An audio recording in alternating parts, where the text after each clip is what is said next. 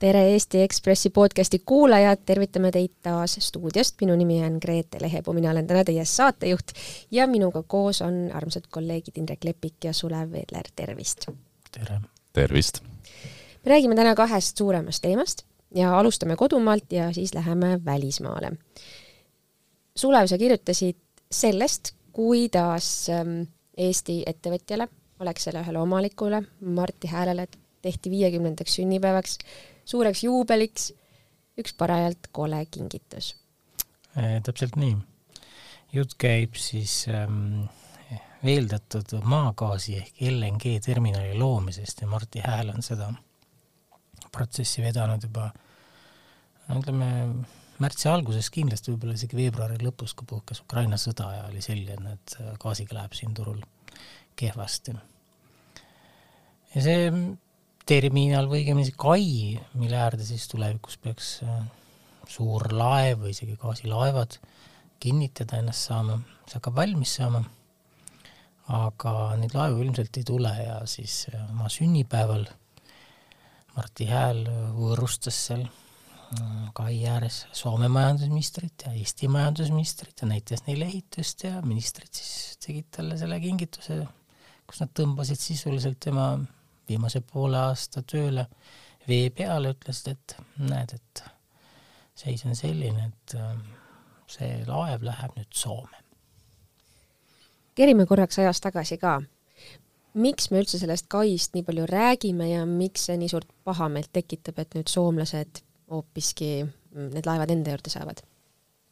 me räägime sellest kaist sellepärast, et äh, ikkagi päris palju Eesti inimesi ja ettevõtjaid tarvitavad oma igapäevaeluks gaasi. ja Venemaalt ei tule enam gaasi. torugaas on meil kinni keeratud, et äh, eks ta selline tore energiarelv ole. ja mida siis asemele tuua, et äh, ainus võimalus on praeguse tehnoloogia puhul äh, tuua LNG-d. seda saab Eestisse hetkel tuua Leedu kaudu on Klaipedas on selline ujuvterminal olemas. aga selle ujuvterminali häda on see, et äh, sinna väga palju laevu korraga ei mahu, et üks laev ainult. ja selle iga laeva tühjaks tegemine võtab ka teatava aja, et kõige suurem defitsiit praegu ei ole mitte gaas ise, vaid see, et kes sinna kaile ligi pääseb, et kes saab selle aja. ja selle tõttu tahetigi siis teha teine selline terminal Eestisse soomlased tahtsid ka endale sellist teha lõpuks siis tuli, tuli Eesti riigil selline idee, et teeks kahe peale, teeks eestlased ja soomlased, et kui Eesti ja Soome on omavahel gaasitoruga ühendatud, et noh, kui ühes riigis välja ei tule, et siis vähemalt teises ikka tuleb. selline on see lootus. ja seal on äh, tegemist äh, sellise huvitava võitlusega, kus omavahel kaklevad riigikapital ja, ja erakapital, et äh, eraettevõtjad nagu Martti Hääl ja tema kompanjonid nägid võimalust, et nad saavad äh, seal kõvasti teenida. jutt käis mitte miljonitest ega kümnetest miljonitest, käis sadadest miljonitest, isegi miljarditest, kui, kui seda nagu aastate peale jagada. nemad tahtsid siis äh, ehitada valmis kai, sinna kai juurde tuua terminali, sealt terminali kaudu hakata gaasi tooma, siis seda gaasi müüma Eestisse, see on tõesti väga suur äri. ja siis on riigikapital, mida esindab äh, Eestis firma nimega Elering, kellel on ülesanne, et noh, ta peab meile tagama gaasi olemasolu ja tema leidis, et okei okay,, ehitame selle kai valmis ja noh, siis on see varustuskindlus olemas, see on selline, tema jaoks oli see kai umbes midagi sellist, nagu meil Kiisal asub äh, avarii elektrijaam, mida kunagi tööle ei panda, seda pannakse ainult viimases hädas, noh, ta on selline viimane päästerõngas. tema jaoks oli samamoodi, mis äri. kui on vaja, siis tuleb sinna laev ja kõik, no aga kui see seis, mis praegu on, et Venemaa gaas on kinni keeratud, tõenäoliselt lähiajal ei muutu. ja nagu sa ütlesid, et gaasi iseenesest oleks, aga puudu on neid laevu ja puudu on neid kaisid. no miks ei võiks siis Läänemere ääres olla veel üks kai ka Eestis? ei no see kai tulebki siia, aga meil ei tule seda ujuvterminali, sest see on jube kallis. sellise asja hankimine on ikka väga-väga jõhkralt kallis, et jutt käib ähm, no peaaegu miljonist eurost äh, nädalas noh, on, on selle rendihind, et äh, see tuleb ju kõik gaasi hinnale otsa, et äh, selles mõttes, ja, ja neid ei ole ka veel saada. see on veel omaette ooper. et selliseid laevu on noh, mingi sellised, ütleme, poolsada tükki ja neid oli saada nii kaua, kuni Ukraina sõda algas. pärast seda noh, otsin neid tiku, tikutulega taga, et nende järgi on meeletu nõudmine, kõik teised riigid mõtlevad ju samamoodi, et kuidas gaasi saada kas sellel asjal on mingisugune laiem mõju meile ka, kui lihtsalt see, et Alexela on tühja kulutanud ja vaeva näinud? mis siis juhtub nüüd, kui see soomlastele see kai enne valmis saab ja terminal nende juurde läheb? mis seal ikka juhtub, et no loodetavasti saavad Eesti ettevõtjad ka sellele kaile ligi ja ja sealtkaudu hakkab gaasi tulema, et see, see on see lootus. No tagavaravariandina tõesti on see olemas, et äh, see kai Eestis, et kui Soomes mingil põhjusel laev ei saa töötada, siis ta saab sõita siia Eestisse kai äärde, et äh, see võimalus on jah olemas. Ähm, ettevõtjatel äh, kukkusid suured plaanid kokku, aga ega ta siis halba ei tee ju selles mõttes, aga jällegi, et noh, et ilus unistus, see kuidagi nagu hajus vähemalt selleks talveks mis selle loo jaoks sinu jaoks üllatav võib-olla oli? kui sa uurisid, ma saan aru, kired on ikkagi väga tugevalt üleval. noh, kirjutasin midagi sellist ka selle aasta kevadel. et äh, Alexela ja, ja riigiametnikud on omavahel nagu raksu läinud. ja see lihtsalt oli nagu tõestus, et äh, see kõik jätkus, et läkski nii, nagu juba siis oli arvata paraku see ei ole esimene kord, kus Eestis on gaasiga selliseid asju tehtud, et äh, siin on juba kümmekond aastat, äh, isegi natuke rohkem on neid suurejoonelisi projekte joonistatud ja nad kõik millegipärast lähevad äh, mingit pidi untsu ja ikka juhtub niimoodi, et asjad maanduvad kuskil Soomes. ma küsiks selle kuulaja lemmikküsimuse, et kes süüdi on? Venemaa on äh, kuulajatele lemmikvastus, sest kõige lihtsam on süüdistada alati kõiges Venemaad. aga miks Alexela seda kaid ehitama hakkas, et ma mäletan kevadest ähmaselt, et Alexela tahtis riigilt mingeid teatavaid garantiisid, et sealt tõesti hakkaksid asjad liikuma ja või see oli selle terminaliga seoses, et, et, et kuidas see jõudis niimoodi, et Alexela selle ikkagi lõppkokkuvõttes niimoodi nagu tühja ehitas? ei, see oli väga loogiline, et Alexela seda ehitama hakkas, sest äh, Alexela oli kunagi tahtnud teha sinnasamma kohta sellist suurt äh, terminali no see oleks eeldanud riigiabi.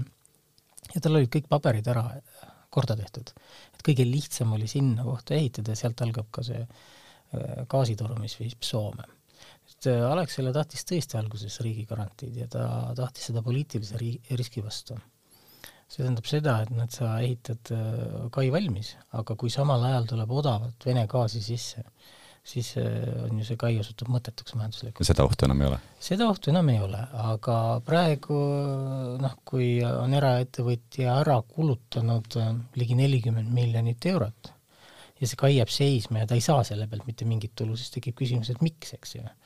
ja majandusministrid Eesti ja Soome oma tegid kokkuleppe juba kevadel, kus nad ütlesid, et kumbki pool peab katma selle kai äh, ehitamise kulud, et tegelikult nagu riik on võtnud ka endale kohustuse, et ta lihtsalt maksab selle kinni. aga praegu, mis seis on, kas maksab kinni?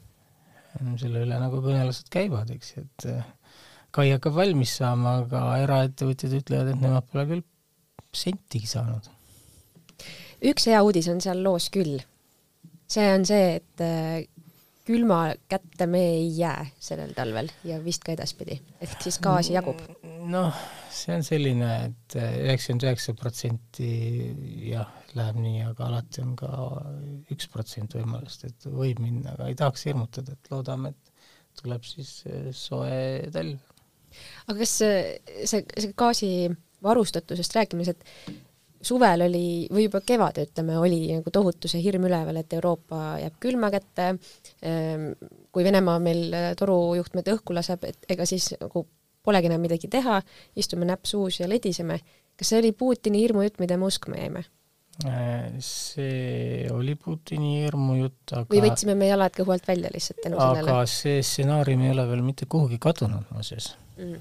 et talv on siiski tulekul, gaasihoidlad on küll täidetud, aga no me teame, et alati võib midagi juhtuda, et seda on nähtud äh, selle Severni Patoki juhtmega, kaks tükki, eks ju, lendasid õhku, õigemini ei saa öelda, nad lendasid vette, see on siis seal Läänemere all. või siis neljast kolm siis niimoodi. ja siis ähm, viimati vist Putin sellel nädalal rääkis, et et ka seal Musta mere juures oli ukrainlastel justkui mingi tahe purustada järgmist nagu gaasijuhet ja siin on nagu kõikvõimalikud provokatsioonid võimalikud, et äh, ka Eesti valitsus on arutanud varianti näiteks, kus äh, Estlink äh, üks ja kaks, need on sellised merealused elektrikaablid, et need tehakse katki, ehk Balticconnector, mis on gaasijuhe Soomega, tehakse katki, või näiteks juhtumisi lastakse õhku või juhtub mingi õnnetus ühes Leedus asuvas alajaamas, mille kaudu lähevad siis elektrijuhtmed Poola et kõik need on niisugused väga vastikud äh, variandid, normaalses olukorras keegi nendele nagu väga palju tähelepanu pöö-, ei pööraks, aga praegu on sõda. Nende ärevate nootidega on siin hea lõpetada ja soovitan lugeda sinu lugu seetõttu, et aru saada mm, aspektist, millest me praegu ei rääkinud, on see, et millises olukorras tänu sellele on Eesti Gaasi nimeline ettevõte. Neil on ka pigem huvitavad ajad käsil. aga aitäh, Sulev, sulle! pöörame nüüd pilgud lõunasse, piltlikult öeldes enam-vähem, lõunasuund on see õige, aga jututeema muidugi läheb äh, pigem tõsisemaks. räägime Iraanist. Sündmused ähm, on seal kerinud mitu nädalat juba ja isegi on, on ütleme kahetsusväärne, et me ei ole jõudnud sellest podcast'is rääkida ja lehes ka põhjalikumalt kirjutada, tundub, Ukraina sõda lihtsalt on võtnud kõik meie energia praegu, aga Iraanist ei saa mööda vaadata sellepärast et seal toimuvad protestid, äh, naised võitlevad, kuidas siis võtta kokku mm,, oma õiguste eest, võitlevad selle riigikorra eest, mis neile peale surutakse. Indrek, räägi, kuidas see juhtunu kokku võtta? jah, eks nende protestide lipukiri Naine, elu, vabadus võtab üsna hästi kokku selle, mille eest seistakse, et tegelikult need äh, meeleavaldused siin puhkesid üks kolm, kolm pool nädalat tagasi, kui üks kahekümne kahe aastane naine eh, siis selle niinimetatud kombluspolitsei poolt eh, tänavalt arreteeriti, viidi kongi ja tegelikult enam ta elusana sealt ei naasnud, sellepärast et küll ametliku selgituse järgi ta äh, ta sai infarkti, langes koomasse ja suri haiglas, aga, aga tema kongikaaslased ikkagi kirjeldasid seda, kuidas teda julmalt peksti ja kuidas ta tõenäoliselt ikkagi ajuverejooksu äh, suri. see oli selliseks katalüsaatoriks olukorrale, mis juba pulbitses Iraani ühiskonnas niikuinii nii, selle kongi pistmise põhjus oli lihtne tema hidžaabi alt, mis on siis ütleme, kõigist nendest eh, islamimaade naisi katvatest rättidest kõige sellisem leebem ehk, ehk siis see rätt, mis katab siis nii-öelda juuksed ja, ja, ja läheb siit põhimõtteliselt niimoodi enam-vähem lõua alt või rinna alt kokku. et tal paistsid sealt alt juuksed välja ja kombluspolitseile see ei sobinud Äh, kusjuures äh, mitte, et siit äh, läänest vaadatuna seal suurt vahet oleks, aga, aga tegelikult räägitakse ka sellest, et ega need juuksed sealt suurt välja ei paistnudki, et tegelikult ta ka nende nii-öelda reeglite vastu, mis Iraanis kehtivad, ei eksinud. ja sellest said al-, alguse ulatuslikud meeleavaldused, mis on tänaseks laienenud väga paljuski ähm, ülikoolide linnakutesse, noored naised ka keskkoolidesse Äh, Iraan on selles mõttes äh, huvitav ühiskond, et äh, naised on seal küll marginaliseeritud, aga näiteks ülikooli lõpetajate seast moodustavad nad kuuskümmend protsenti, ehk siis tegelikult neid selliseid eneseteadlikke noori naisi on seal ühiskonnas väga palju ja, ja, ja Iraanis on ka tegelikult selliseid äh, noh, ütleme suuremal ja väiksemal määral protestilaineid olnud juba aastaid. Ehm, kõige suurem protestilaine oli kahe tuhande üheksandal aastal, me mäletame seda rohelise revolutsiooni nime all ja see oli ka see esimene selline revolutsioon, kus eh, Twitteri rollist väga palju räägiti. aga üldiselt viimase viie aasta jooksul on neid meeleavaldusi olnud päris palju, ka väga suuri ja, ja suurte inim- inimohvritega, aga, aga jah, need nüüdsed on siis juba no ütleme, ligi kuu aega kestnud ja tegelikult ei, ei paista, et need lähiajal otsa saaksid. kui inimohvritest rääkida, siis kas need meeleavaldused praegu on verisemad kui eelnevad? Nad veel ei ole verisemad, kuigi koos korrakaitsjatega on tegelikult juba üle kahesaja inimese surma saanud, ehk siis noh, me ei räägi siin ühest-kahest või paarikümnest inimesest, vaid tõepoolest paarisajast juba. Et et, et selles mõttes siin üks mõni aasta tagasi olid, olid Iraanis taas väga ulatuslikud, kus tegelikult sai veel rohkem inimesi surma ja, ja suuresti nad saavadki surma sellepärast ja kus, miks nad ka nüüd on surma saanud, on see, et neid noori naisi mitte üksnes ei klobita seal kongis, vaid tegelikult äh, korrakaitsjad on kasutanud meeleavalduste laialiajamiseks äh, relvi päris kuulidega. ehk siis neid on lihtsalt maha lastud tegelikult tänavate peal ja ja, ja siin liigub ka sotsiaalmeedias videosid sellest, kuidas äh, Äh, väga palju äh, selliseid toetusavaldusi nendel meeleavaldustel ongi lihtsalt see, et inimesed sõidavad tänava peal ja lasevad signaali oma autodes ja kuidas siis korrakaitsjad käivad ja lihtsalt täiesti suvaliselt peksavad kumminuiaga lihtsalt inimestel aknaid sisse autodel. et, äh, et selline on praegu olukord, neid meeleavaldusi on Teheranis, pealinnas, aga, aga kõige laialdasemad on need meeleavaldused Iraani Kurdistanis, mis on siis üks neljandik Kurdistanist, mis asub Iraani territooriumil ja ka see kahekümne kahe aastane Mahsa Amini, kes, kes on selleks nagu revolutsiooni sümboliks saanud, ütleme. et ka tema oli sealt pärit, ta ongi tegelikult äh, kurdi naine. et, et seal on see kese, aga, aga jah, tänaseks võiks öelda, et see on üleriigiline ja siin viimastest päevadest on tegelikult juba teate ikka sellest, kuidas Iraani äh, nafta, ühes naftaettevõttes äh, lõuna poolt, et seal on juba töötajad ja noh, mehed asunud sellisele toetusstreigile ja, ja tegelikult Iraan, mis ikkagi siin tipu ajal toodab neli miljonit barrelit naftat päevas, ehk siis umbes neli protsenti maailma toodangust. et, et tegelikult see on nagu riigi majanduse mõttes ülioluline asi ja, ja see näitab ka tegelikult, et see toetusbaas sellele meeleavaldusele või protestilainel on äh, laienenud. ehk siis tõenäoliselt kütusehinnad võivad hakata ka nende protestide, kui need veel kulmineeruvad, kuidagi hakata muutuma jah, kuigi see mõju on tõenäoliselt väiksem selle tõttu, et kui siin äh, Donald Trump sai presidendiks, siis mäletatavasti kukkus kokku see Iraani tuumalepe ja seetõttu on Iraani majandus olnud suurte sanktsioonide all, ehk siis äh, Iraani naftast ei jõua maailmaturule kaugeltki seda osa, mis võiks jõuda, sellest esiteks seda nelja miljonit nad ei suuda enam tänase päevani toota, aga, aga ka Iraani nafta praegu läheb pigem Hiinasse kui Euroopasse, sest et Euroopa ametlikult ei tohi seda osta. aga Iraan on ikkagi, ütleme sellises Lähis-Ida ja Kesk-Aasia piirkonnas üks kõige olulisemaid majandusi ja, ja seetõttu on seal kindlasti laiem eh, geopoliitiline mõju.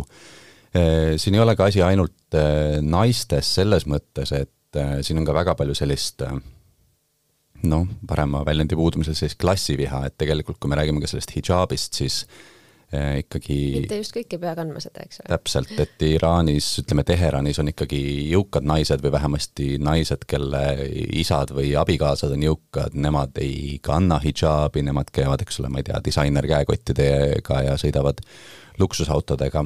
aga miks, miks nad ei kanna või kust see erisus tuleb, see ei saa olla ometi seaduse tasandil, vaid see ongi siis lihtsalt see on küsimus selles, kuidas vahe. seadust äh, rakendatakse jah, sest et see kombluspolitsei, seesama, kes neid noori naisi on siin äh, ära tapnud, et äh, küsimus ongi selles, et kus nad neid jõustavad, neid seaduseid ja ütleme, Teherani rikkates asumites nad seda ei tee, samal ajal ühistranspordis või kuskil mujal nad seda väga jõuliselt teevad ja sealt see erisus sisse tulebki, siin nüüd oluline muutus tuligi tegelikult ähm, sel suvel, kui Iraan sai, Iraan sai endale uue presidendi ja, ja praegune president on ikkagi palju ähm, noh, sellisem palju jäigem oma seisukohtades Ebrahim Raisi, kes äh, kes ikkagi nagu selgelt võttis ka enda ametlikuks poliitikaks selle hidžaabi ähm, kandmise, jõustamise nagu, nagu suurendamise või, või seda, selle, seda tugevamalt jõustada.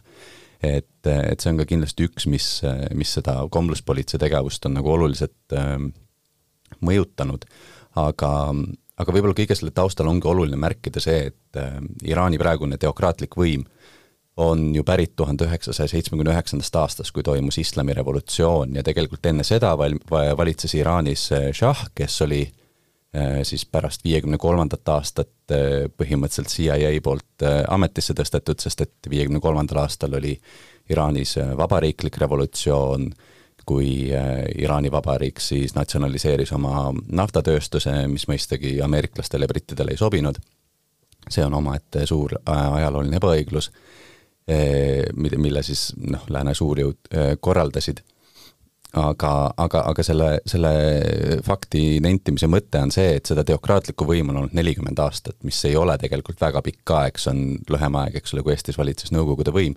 ehk siis äh, see, et need naised peavad seal seda pearätti kandma või et seal on selline eh, usufanaatikutest gerontide võim, et eh, see ei ole midagi nagu loomuomast sellele piirkonnale, et see peab niimoodi olema ja, ja, ja sellepärast on ka nagu väga paljudel äh, naistel läänes, väga palju on ju iraanlannasid äh, põgenenud läände või nende emad on põgenenud ja nemad on juba läänes sündinud.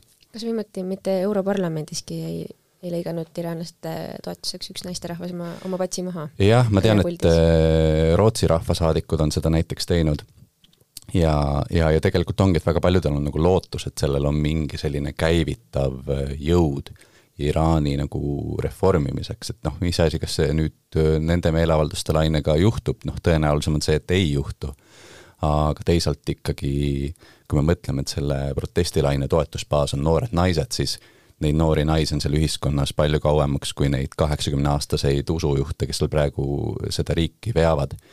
et äh, selles mõttes on nagu piirkonna tuleviku seisukohalt see väga-väga huvitav. mis selle Mm, vaadata natuke ka tuleviku lõpetuseks, et kuhu see, kuhu see protestilaine välja jõuab, on äh, ringelnud ka videosid, mis näitavad, et tegelikult politsei liitub protestijatega. ehk siis tasahilju võib-olla tahaksime me näha seda, et, et see niisugune mm, julma võimu rakendamine vaikselt mureneb jah, sest et see, mis äh, eristab praeguseid meeleavaldusi näiteks kahe tuhande üheksandast aastast, ongi see, et äh, riigivõimul on palju vähem legitiimsust, sellepärast et viimase kümnendi jooksul nad ei ole suutnud tuua Iraani majanduskasvu, selles on muidugi lõviosa mänginud needsamad sanktsioonid, mille lääs on kehtestanud, aga, aga tegelikult sellel samal võimul on üha vähem eh, legitiimsust ja, ja noh, me ju lõppkokkuvõttes jõuamegi sinna, eks ole, kui tõesti juba eh, julgeolekujõud hakkavad poolt vahetama, siis tegelikult ei ole režiimil enam pikka iga, nii et äh, eks see on ju loogiline, kui sa viiskümmend protsenti ühiskonnast äh, põhimõtteliselt tasalülitad, siis varem või hiljem on sellel nagu suhteliselt nukrad äh, tagajärjed või vähemasti selle süsteemi stabiilsust silmas pidades äh, on neid nii-öelda raputavaid jõude aina rohkem ja rohkem, nii et nagu ma oma loos lõpetan, et ähm, võib-olla peamine lääne järeldus võiks sellest olla see, et selline vabaduse ihalus ei ole midagi lääne inimestele loomupärast, vaid see on tegelikult ikkagi inimloomule midagi loomupärast ja, ja ma arvan, et just selliselt me peaksime seda võtma. jälgime siis edaspidi ka Iraani sündmusi ja, ja proovime lugejate-kuulajateni neid ka vahendada. aitäh kuulamast, aitäh, Indrek, äh, mõtestamast, mis Iraanis toimub ja lugege Eesti Ekspressi ikkagi ekspress.ee lehelt kõik meie värsked lood kättesaadavad